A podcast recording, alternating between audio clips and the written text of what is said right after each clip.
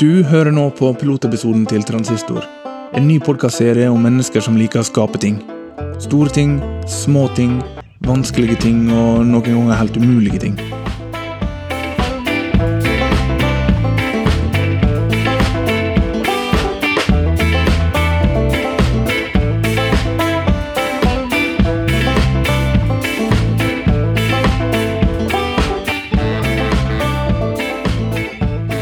Fra det tidspunktet av så, eh, så, så bestemte vi oss for at det er det her vi skal gjøre. Vi skal lage en, en svær, feit tretaktsrotor. Den skal utkonkurrere eh, de andre. Og så hadde vi ekstremt god støtte fra, fra Einar Aas, som, som leda Elektronikkinstituttet, og Lasse Nattvig eh, på DM-gruppa, som gjorde at vi hadde mulighet til å egentlig fordype oss og bruke studentåra til, til å lage en, en skip. Fra da av var det Phalanx og ikke NTNU. på en måte. Stemmen du hører er Borga Ljosland. Sammen med studiekameratene Jørn, Mario og Edvard bygde han en chip og døpte den Mali. Selskapet de bygde sammen, døpte de Falangs. I fjor ble det solgt 550 millioner grafikkort med Mali-teknologi verden over. Mer enn noen annen GPU-lisens. Datastudentenes chip hadde faktisk utkonkurrert alle andre. For noen dager siden kom nyheten om at Samsung hadde forlenget avtalen om å bruke Mali i sine mobiltelefoner og nettbrett. Da saken ble delt på Facebook, var det en som kommenterte, noe irritabelt, at han skulle ønske han kjente noen som kunne Mali-teknologien ut og inn, og som forsto hvordan man kunne bruke den til å bygge kule ting. Noen svarte på den kommentaren, litt kryptisk. I once knew a bar where you could find all of them. Jeg visste om en bar en gang der du kunne finne dem alle sammen.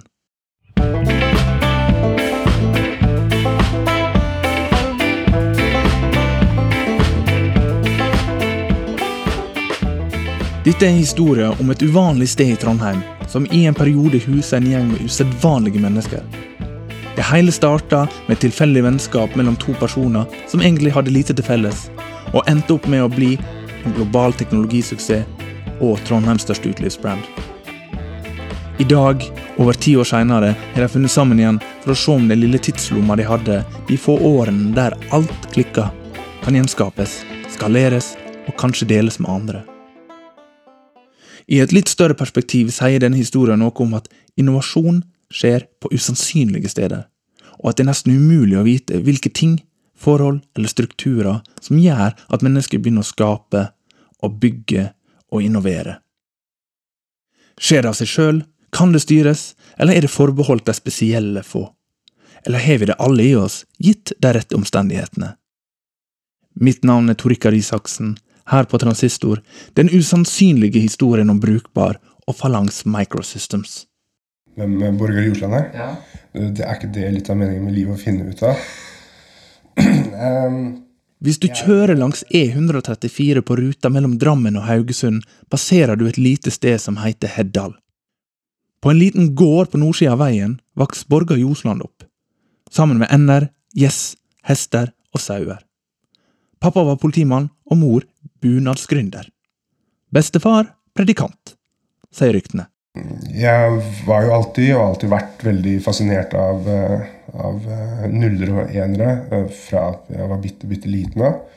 Så jeg fikk jo en Min første datamaskin Så jeg husker ikke hvor gammel jeg var. Eh, og eh, brukte vel ganske mye mer tid eh, etter hvert som jeg ble eldre, inne. Selv om jeg alltid har vært glad i uteliv også.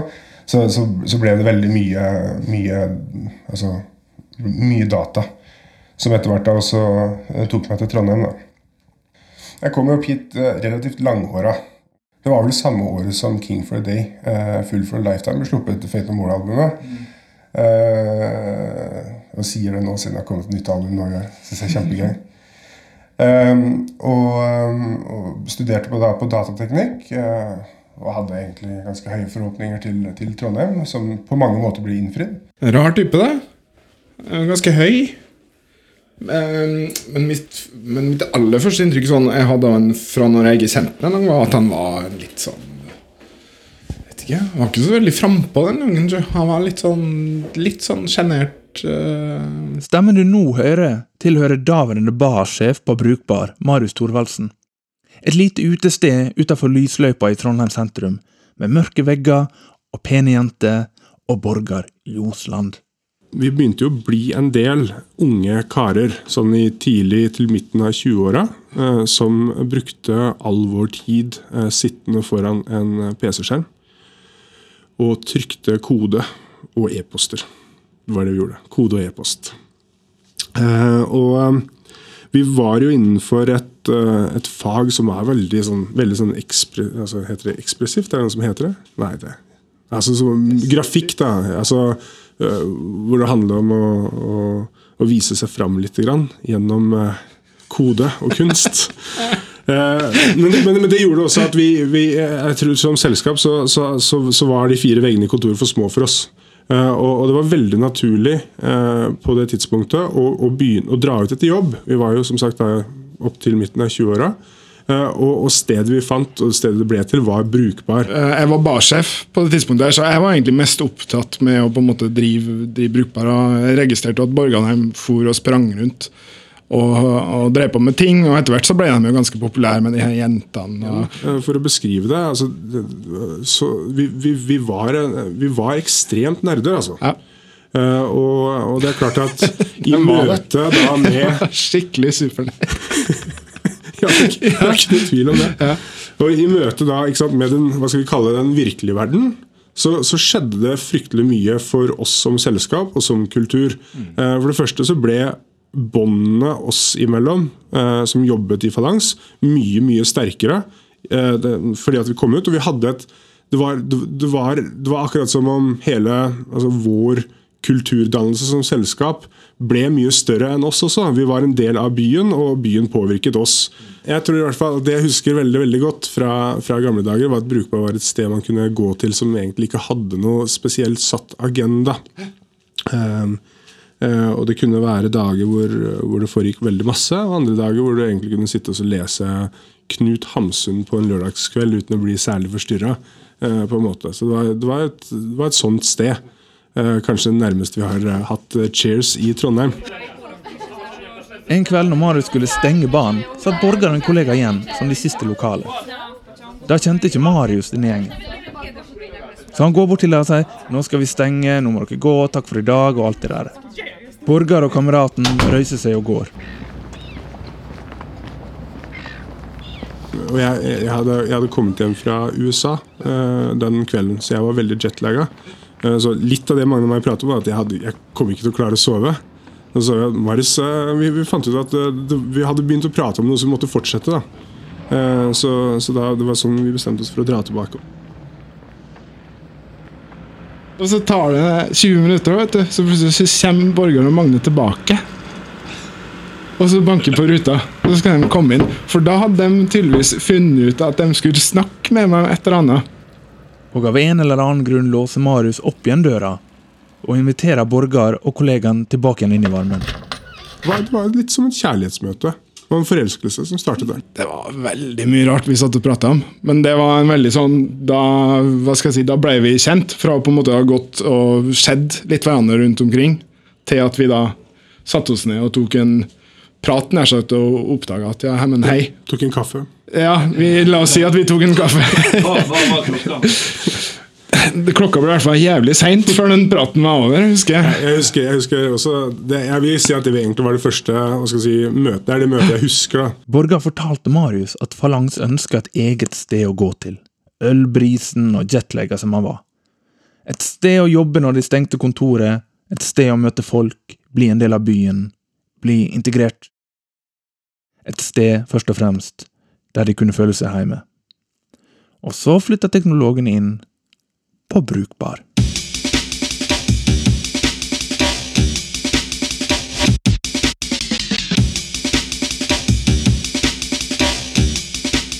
Altså Etter hvert som de eh, faktisk eh, krøyp ut fra bak skjermene eh, og viste å være veldig hyggelige folk også, så ga dem jo veldig mye i form at de var der. Og jeg skulle til å si var kule folk og gjorde veldig mye som liksom, Det ble et sånn sosialt bindeledd også kanskje for oss, tror jeg. Altså for det miljøet vi hadde på vår arbeidsplass. At det var liksom to eh, arbeidsplasser som var helt forskjellige. Som på en måte hadde felles, sånn, en felles kultur og et felles språk likevel. Utestedet Brukbar og teknologiselskapet Falangs ble veldig tett knytta sammen over de neste åra. Det ble på mange måter ett selskap med to virksomhetsområder, trafikkteknologi og øl. De hadde felles personalfester, de hadde egen videoklubb, spilte paintball, og når DJs og artister kom for å spille på Brukbar, måtte de ofte spise middag med personalet og Falangs først. Og når Falangs skulle rekruttere ingeniører i utlandet, ble gjerne Brukbar-gjengen med over for å bistå. Vi jobba på en måte i den samme bedriften, vi. For det var liksom, når de fikk en telefon, så var det på hvilket av kontorene de var. sant? Var de på, på Falangskontoret, eller var de på Brukbar, som var det andre Falangskontoret?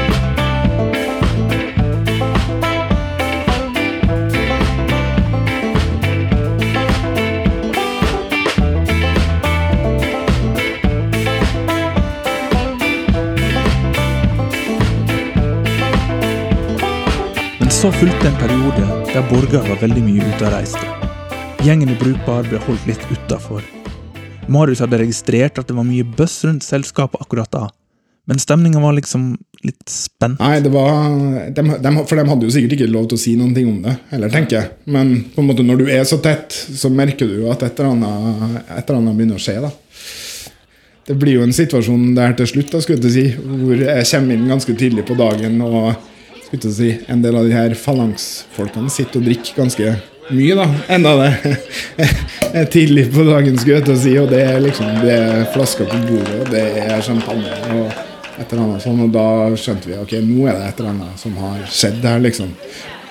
Marius legger sammen to og to. Han plukker opp telefonen og ringer Borgar.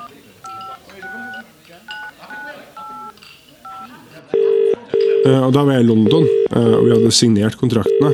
Eh, Og du ringte og så sa, fortalte meg Du, Morgan, jeg vet hva som har skjedd. Det er ingen som har sagt men jeg vet hva som har skjedd, for vi har ikke champagne igjen i baren, sa du.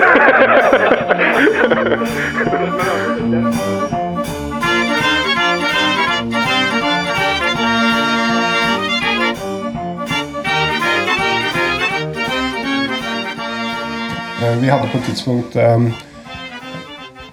bygd opp eh, et, eh, et miljø eh, i, i Falangs og en ekspertise som var globalt anerkjent innenfor mobiltelefonindustrien. Falangs var et selskap alle eh, som hadde noe med mobiltelefon, grafikk, spill, medie eh, å gjøre, visste om. Og eh, det var jo også Vi vi var jo unnskyld, veldig tidlig ute med med å prate om grafikkakselerering på disse mobiltelefonene. Eh, lenge før det egentlig var anerkjent som et reelt marked. Før Borgar Ljosland og, og Phalanx så var GPU en sånn stor eh, boks som kosta veldig mye penger, med masse store vifter på, som du kjøpte og putta inn i PC-kabinettet ditt. For GPU-en er jo den, eh, den støtteprosessoren som skal dra rundt mye av prosesseringa for grafikk. sant? Så jeg visste hva en GPU var, men det er klart når Falangs kom på banen der med, med Mali og den type teknologi, så var jo det helt uhørt at du skulle tenke at altså mobiltelefoner skulle være en plattform for spill og grafikk. Altså Da var det jo det her Nokia og grønt og svart og Snake var jo liksom så avansert som det, det ble. sant? Jeg tror derfor, siden jeg var litt sånn datageek og drev på og bygde PC-en, og så skjønte jeg jo hva det var de på en måte prøvde å, prøvde å få til i Falangs, Og syntes det var veldig kult. Da.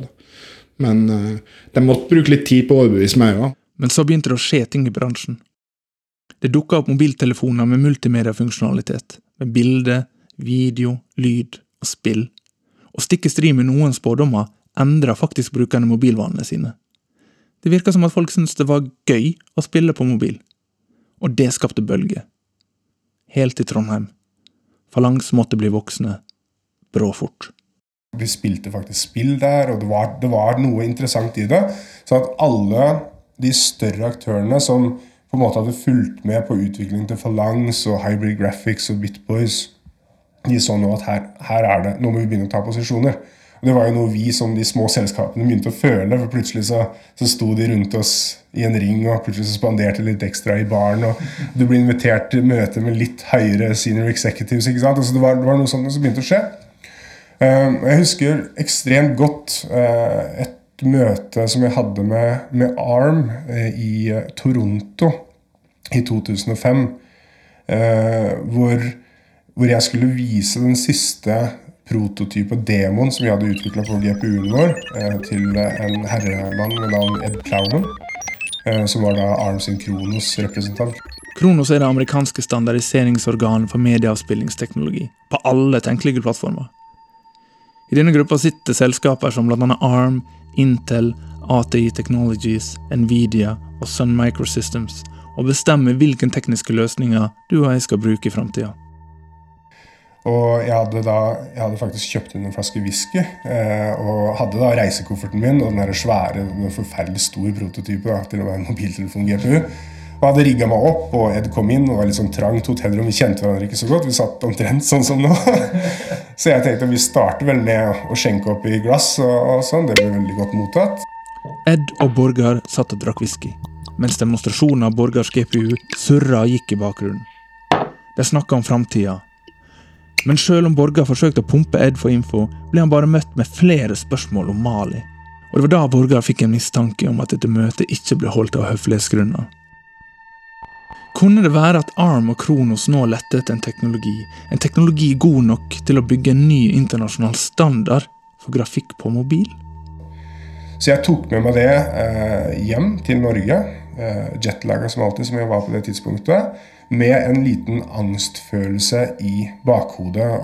Det, for du merker nå at nå begynner det å skje noe i industrien her som du ikke har helt kontroll på. Så jeg satte meg da ned med mine medsammensvorne Edvard og Mario Jørn og eh, et par av de andre i selskapet også. Eh, og, og, fortalte om hva jeg trodde var i ferd med å skje. Jeg var ikke helt sikker, for de hadde ikke vært eksplisitte, men jeg trodde det. Eh, vi ringte også rundt til andre eh, av våre konkurrenter Eh, og spurte hva, hvordan de så på fremtiden og sånt. Og det ble klart at de også hadde oppdaga at noe var i ferd med å skje. Så, så når du har den her ukjentheten Det er noen stor, det er, det er et rovdyr som driver og ser på deg i mørket, og du vet ikke hvor du kommer, hva, hva, hva det handler om. Eh, så det, det var litt den følelsen det var. Falangs konkluderte med at Arm trolig kom til å foreta seg noe drastisk. De har presentert funnene for styret, og satt i gang en prosess med å forberede selskapet på et mulig oppkjøpsforsøk. På overflata kan dette her virke som et lykketreff, men hvis Arm bestemmer seg for en annen teknologi, kjøper et annet selskap, var Falangs sjanseløse. Arm med en egen GPU var simpelthen en uoverkommelig motstander for lille Falangs. Så nå var alternativene som følger verdensherredømme eller konkurs. Ingenting imellom. Eh, ikke før hadde vi på en måte satt oss ned og roa oss litt. Eh, så, så, skulle jeg ringe til eh, han som på det tidspunktet var VP Business Development, Corporate Business Development i ARM, Oliver Genezekara. Og idet jeg på en måte søkte opp navnet hans på den svære Nokia-telefonen med en tredje akselerator i, som ikke var vår, så, så ringte han. Og jeg tok telefonen og sier hei, og før jeg hadde sagt navnet hans, sa han Borgar, is Phalanx up for sale? og det var liksom, oh, ok, Så vi, nå er vi rett på. ikke sant? Nå skjer det.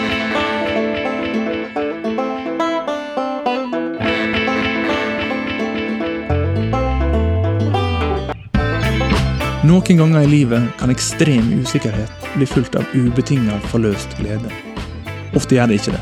Som regel aldri. Usikkerhet går over, og du går tilbake til normalen. Men for Borger og Co.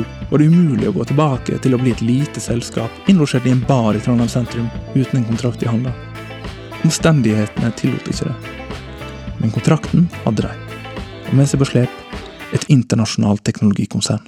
Ja, ja. For det er jo da det begynner å bli artig og absurd. Fordi da kommer jo en Pascal, han første franskmannen, som da er satt for å liksom lede denne avdelinga i i Trondheim. Uh, det, for han, han, adopterte jo dette her. Mann, snart 60, eh, fra Frankrike, og veldig sånn manager-type. Men han, han, og meg vi satt jo hadde møtene våre der til klokka fire på natta på Brukbar. Og det ble veldig naturlig. altså Arm adopterte hele Brukbar-konseptet. Det er jo helt uh, retardert. sant? Fordi alle sånne bedrifter som på en måte gjør sånne ting i Trondheim, hva du skal gjøre da, Du skal jo ta dem fram og vise, vise frem Credo. liksom, Her har vi jo en Michelin-aktig restaurant. og i sånn Brukbar var jo bare en sånn liten mørk bule. Vi visste jo knapt nok hvordan vi skulle åpne ei champagneflaske. sant? Så det var Så det var liksom veldig sånn Veldig ikke sånn som det her skal foregå, egentlig. Hvor du nær sagt blir IT-millionær, og så er det bare kaviar og champagne. sant? Brukbar ble fort en base for integrasjonen mellom Arm og Falangs. Og brukbarpersonalet lot seg ikke affisere av at det kom nye folk inn i familien. Vi syntes jo det her var jævlig artig. Og se på bare at, altså at, folk er engasjert i ting. Det er jo super, superbra. Så det er jo litt mer det samspillet, tenker jeg. Så kan, kanskje, som du sier, kanskje var vi litt sånn støttende kjæreste. da. Mm. Som liksom hadde aksept for at ja, greit, gå og gjør greia di og få til det bra, og så skal vi her og ha middagen klar. jeg har aldri tenkt på det på den måten før. Men det kan godt være. Vi var jo veldig sånn jeg skulle si, Vi ble jo veldig stolt når de, liksom, når de begynte å se ting, og de kom opp og fram. og alt mulig sånn. Er, ikke det, er ikke det liksom en eh, sånn, uh, lakmustest på familiære relasjoner? jo, det kan godt være det. Også. Altså. Jeg har bare ikke tenkt på det på den, på den måten før. Men det var jo liksom, jeg tror det var veldig for jeg si, Det her begynner å bli mange, mange, mange, mange år siden nå. Men det var veldig det med at de ønska å være her i Trondheim og få til noe som var spesielt. sant? Og det var nok litt sånn det samme vi har prøvd å få til på et vis. At uh, vi, uh, vi syns det er viktig at det skjer spennende og kule ting her i, her i Trondheim. Så det var nok en sånn ja. Så Det var liksom det dere kanskje hadde mest til felles, var den eh, by, altså dere ønsker å få til noe i byen? At dere hadde, dere hadde litt ambisjoner og ønsker på vegne av Trondheim? Ja, herregud. Det er jo på ingen måte noe selvsagt at, uh, at ARM Norge skal ligge i Trondheim. Det er jo egentlig ganske fjernt. Også. Uh, men eh, det er, jo, det er, jo, kun deres fortjeneste, det. Eller det er kun, tror jeg, et resultat av den prosessen her hvor, hvor de armfolkene på tidlig tidspunkt kom og på en måte kunne se på hvor godt integrert de var i byen allerede. Og at det hadde veldig mye å, mye å si for dem. Den kulturen som Falangs kunne vise Arm da de kom over til Trondheim i forbindelse med oppkjøpet, var så solid og så sterkt forankra i byen at Arm-ledelsen forsto at dette kontoret kunne ikke ligge noe annet sted enn her i Trondheim. Og det kunne ikke ligge et annet sted enn et steinkast unna brukbar. Men alle gode ting tar som kjent slutt en gang. Etter salget ekspanderte selskapet som nå het Arm Norge fort, og flytta inn i større lokaler. Brukbar utvida også, og flytta også til bedre lokaler i byen og åpna både en restaurant og en klubbscene. Litt etter litt ble Brukbar forvandla til noe nytt, større og moderne. Og sjøl om armgjengen fortsatt var så i korridorene, ble det aldri helt som før. Veldig mye av, av det forsvant nok i begge sine endringsprosesser. Mm. Uh, og at plutselig så var det blitt mye mer kanskje jobb igjen, enn at det var en sånn, altså en sånn lystbetont uh, aktivitet. For det, for det, var på det tidspunktet jeg bestemte meg, eller bestemte meg ikke, men jeg ble faktisk sparka i ræva nok til at jeg fant ut at jeg må tilbake til NTNU og faktisk gjøre ferdig det jeg hadde starta på der. og alt mulig sånne ting. Så da var det litt sånn, ja. Mm. Da var ikke det uteliv var ikke så spennende lenger. Altså, hva, hva, hva, som var overgangen, eh, husker jeg faktisk ikke helt. Eh, men det som, som, er ganske sikkert, det er at når altså Brukbar ble noe annet, og det ble mye større, eh, og det samme ble da Falangs Arm, men jeg, det opplevdes eh, som et savn eh, blant de mange av Falangs arm. Og de fortsetter å bruke brukbar, men, men det ble ikke det samme igjen. Marius fullførte utdanninga si og begynte å jobbe på NTNU. Borgar slutta etter hvert i Arm og starta et nytt selskap med noen gamle Falangs-kolleger, og var veldig nær med å lykkes som først ut i et marked som nå okkuperes av Apple TV og Google Chromecast. Men så gikk Borgars nye selskap tom for penger og Marius begynte å bli rastløs. Og da de møttes igjen over en øl, innså de at eh, det er kanskje slik at noen ting her i livet er for god til å gi slipp på. Og før de visste ordet av det Den inngangsdøra vil nok ligge ganske nøyaktig her. Uh, og, det, og det du kommer inn i først nå, er jo hva skal jeg si, pub, publikumområdet. Altså puben i ordets beste forstand. Altså det er et public house hvor du faktisk da blir invitert inn til å delta i det som skjer på huset. Vi, vi tenker at det er så essensielt å ha med denne biten fordi det er en sånn betatest-dimensjon. At du i uh, den prosessen når du driver på å sette opp et eller annet, om det er et spill, eller om det er et nytt brettspill, eller om det er en ny form for teknologi eller plattform, eller hva så er det noe med at det her området inviterer deg til at hvem som helst kan komme inn og gi deg en form for feedback på det du jobber med. Velkommen til Coworking Space Workwork, Borgar Marius sitt siste prosjekt. Litt bar, litt gründerkontor og fryktelig mye moro. Det store huset nederst i Munkegata skal fylles opp med spillgründere. Og i første etasje en bar og kafé, der spillene de utvikler kan eh, testes på publikum. Ikke ulikt demokveldene på Gamle Brukbar med GPU-grafikk på storskjerm. Men her er det demokveld hver kveld, også på dagtid. Og hvorfor spill? I tillegg til å være utelivsgründer og universitetslektor, er nemlig Marius spillentusiast. Skikkelig spillentusiast. Gammel Counter-Strike-soldat og styremedlem i Spillmakerlauget.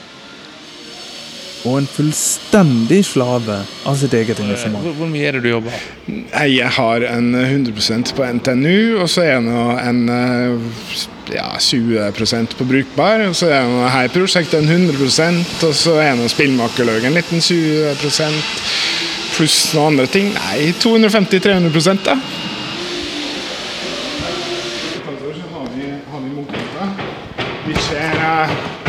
Vi ser ned på Kiwi-butikken. Vi har utsikt eh, opp mot eh, det vakre torget i Trondheim, mot Stiftsgården. Det er sol. Japan Foto ligger der. Platekompaniet. Det er ganske fint. Ja, det er helt fantastisk. Det er sykt fine lokaler, for å si det rett ut. Og denne ideen om en sånn, sånn kafé Eh, som er retta mot spill, eller en pub som er retta mot spill, den har jeg egentlig hatt i magen veldig lenge. og Så er det først når jeg begynner å engasjere meg med Spillmakerlauget, og så begynner de å snakke om ja, det hadde vært kult om vi har liksom et co-working space for spill i Trondheim. Og da faller jo liksom bare alt på plass. Så egentlig så går jeg jo bare til, til Borgar og, og, Magne der til slutt og sier greit, eh, nå putter jeg noen penger på bordet. Mm. Putt noen penger på bordet dere også, så setter vi i gang. Og så får vi det her til å funke. Om vi kunne hatt en, og gjenskapt den følelsen som vi hadde da, i gamle dager, for andre, og oss selv, la oss ikke glemme, eh, så hadde det vært eh, gull. Men i, hvilken grad Borgar var inne på det i hvilken grad er dette her å, å gjenoppleve noe som var eh, skal ikke man gå for langt inn i kjærlighetsmetaforer her, men å, å gjenoppleve noe som var veldig bra? Eh, jeg, jeg jeg tror um, Altså, det er selvfølgelig uh, Hvis jeg kan starte ja, ja. Altså, ja, det, det, er selvfølgelig noe i, i det. At man uh, har noen referanser uh, fra, fra, tidligere liv. Hva, hva, har fungert, hva har vært bra, hva har ikke vært bra. Og de vil man alltid til en viss grad søke tilbake til eller forsøke å, å, å oppleve igjen. selvfølgelig. Den, den funksjonen som, som vi følte ble skapt i møtet mellom et high-tech-selskap og et offentlig sted uh, hvor, hvor, publikum kunne møtes. Altså det, det, er en modell som jeg tror på vil fostre mer innovasjon. Vil fostre uh, mer gøy i en arbeidssammenheng også for nye startuper som kommer fra Trondheim. Så jeg tror, om ikke en nødvendighet for å øke antallet selskaper som, som bygger seg opp og blir i byen, så definitivt en sterk bidragsfaktor for det. Uh, og det er, det er den, så Man ønsker jo å dele noe av sin, sine erfaringer, og det er kanskje en måte å gjøre det på. da. Ja, jo, for jeg tror det er en viktig erkjennelse der at det vi har Det vi har opplevd òg, at på en måte utilsikta så ble det jo en suksess ut av det. Jeg tror faktisk den modellen har veldig mye for seg, hvis man skal prøve å analysere det. Men så er det jo liksom Vi kan jo ikke kvalitativt eh, Nei, kvantitativt og empirisk liksom peke på hva var det som var de viktige suksessfaktorene. Men siden den gang så har jeg blitt veldig opptatt av liksom det her med nettopp kultur, utvikling, byutvikling, eh, ikke minst. Så jeg tenker sånn Der var vi faktisk inn på noe. Men så har på en måte på de 10-12 årene så har verden gått videre. Men jeg ser at virkeligheten rundt det her nå er helt annerledes enn der vi satt den gangen. Så kanskje er det òg et steg tilbake som jeg anser at er ganske nødvendig. Hvis man faktisk skal begynne å, å få realisert det her, da, som veldig mange eh, roper om, og, og, og teknologiens Davos og innovasjon og alle de her på en måte buzzwordsene som alle skriker etter, men som ingen har en god løsning eh, for hvordan det ble til. Altså, Altså, jeg, jeg er jævlig fornøyd hvis det viser seg at uh, i framtida så kommer det et sykt bra spill uh, fra Trondheim. Og så er jeg kreditert på den rulleteksten for at det her var en viktig bidragsyter til at det kunne skje. Og du kan si det, det er noe altruisme, det òg, men det er noe, det har noe, jeg kan vise at jeg har vært med bygd et eller annet, jeg òg, så kan det være en sånn dimensjon. Men det er litt igjen tilbake til at som, jeg, jeg har nå mine fulltidsjobber, Borgar har nå sine, og det her er fortsatt ett prosjekt som er drevet veldig mye av at det skal være interessant å drive med, at det skal være artig å drive med, at det har noen ting med si, Det er noe sånn personlig inni det, så det er kanskje det som er stakesen her, jeg vet ikke. Work Work skal være et alternativ for gründere som ikke føler seg hjemme i en inkubator, som ikke ønsker å bli fotfulgt av forretningsrådgiver hos en akselerator, eller som ikke ønsker å gå seg vill i et stort innovasjonssenter. Men tror virkelig Borgar og Marius at de kan greie å reprodusere fortida, og få det hele til å føles like bra, like riktig, som de gjorde tilbake i 2003 på Brukbar? Eh, Altså, du, du er jo Vi, er, vi, vi starter jo før dette programmet eh, og prater, prater litt om musikk. og Du kan aldri, du kan aldri covre, du kan covre, men du kan aldri gjenskape en Tom Waits. Det kan du ikke gjøre. Eh, Det går ikke. Men, men eh, det går an å bli inspirert og ta noe av essensen i storytelling og univers og, og reprodusere det. Så jeg tror eh, det går an å få veldig mange eh, gode eh, historier eh, fra, fra et eh, work-work og utallige oppstartsbedrifter som starter nye spillkonsepter som kommer til å omdefinere hvordan vi forstår verden. Ja, jeg tror nok, jeg tror nok ikke det går an å, å kopiere det sånn, men jeg tror Jeg gleder meg i hvert fall til å, å kunne undersøke litt mer hva Og prøve å forstå litt nærmere hva det var faktisk som lå bak det. Eh, så som vi sier, det er jo et sosialt eksperiment, egentlig. Men uh, i verste fall så er det jo en plass hvor vi kan sitte og være litt sånn grå og uh, mimre om Og fortelle om alt var så mye bedre før og uh, alt mulig sånn. Nei. Søren. Det blir, det blir spennende å se. Jeg, har, eh, jeg, har, jeg klarer ikke å si eksplisitt hvorfor det skal funke, men jeg har eh, en sterk tro på at eh, det funker. Men da begynner det å bli sånn religiøst eh, farvann, og det er jo egentlig ikke mitt, eh, mitt område i det hele tatt. Så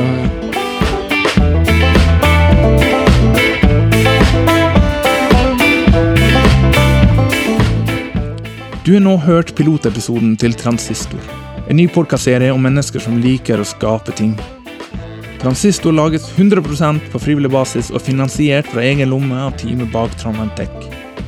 Hvis du er interessert i å støtte Transistor, er vi veldig interessert i å høre fra dere. Tusen takk til Borgar og Marius for å ha delt denne historien. Takk til Gøril Forbord for hjelp med å logge intervju. Og ikke minst takk til Jon Anders Lie og resten av samvirkelaget for å ha laga en fantastisk kjenningsmelodi. Vi vil også rette en stor takk til alle som har lånt oss teknisk utstyr. Denne episoden her hadde ikke vært mulig uten dere. Hvis du vil vite mer om transistor, følg med på transistorpodkast.no, eller se etter oppdateringer på Trondheim Tech. Mitt navn er Torikar Isaksen, og du har hørt på Transistor.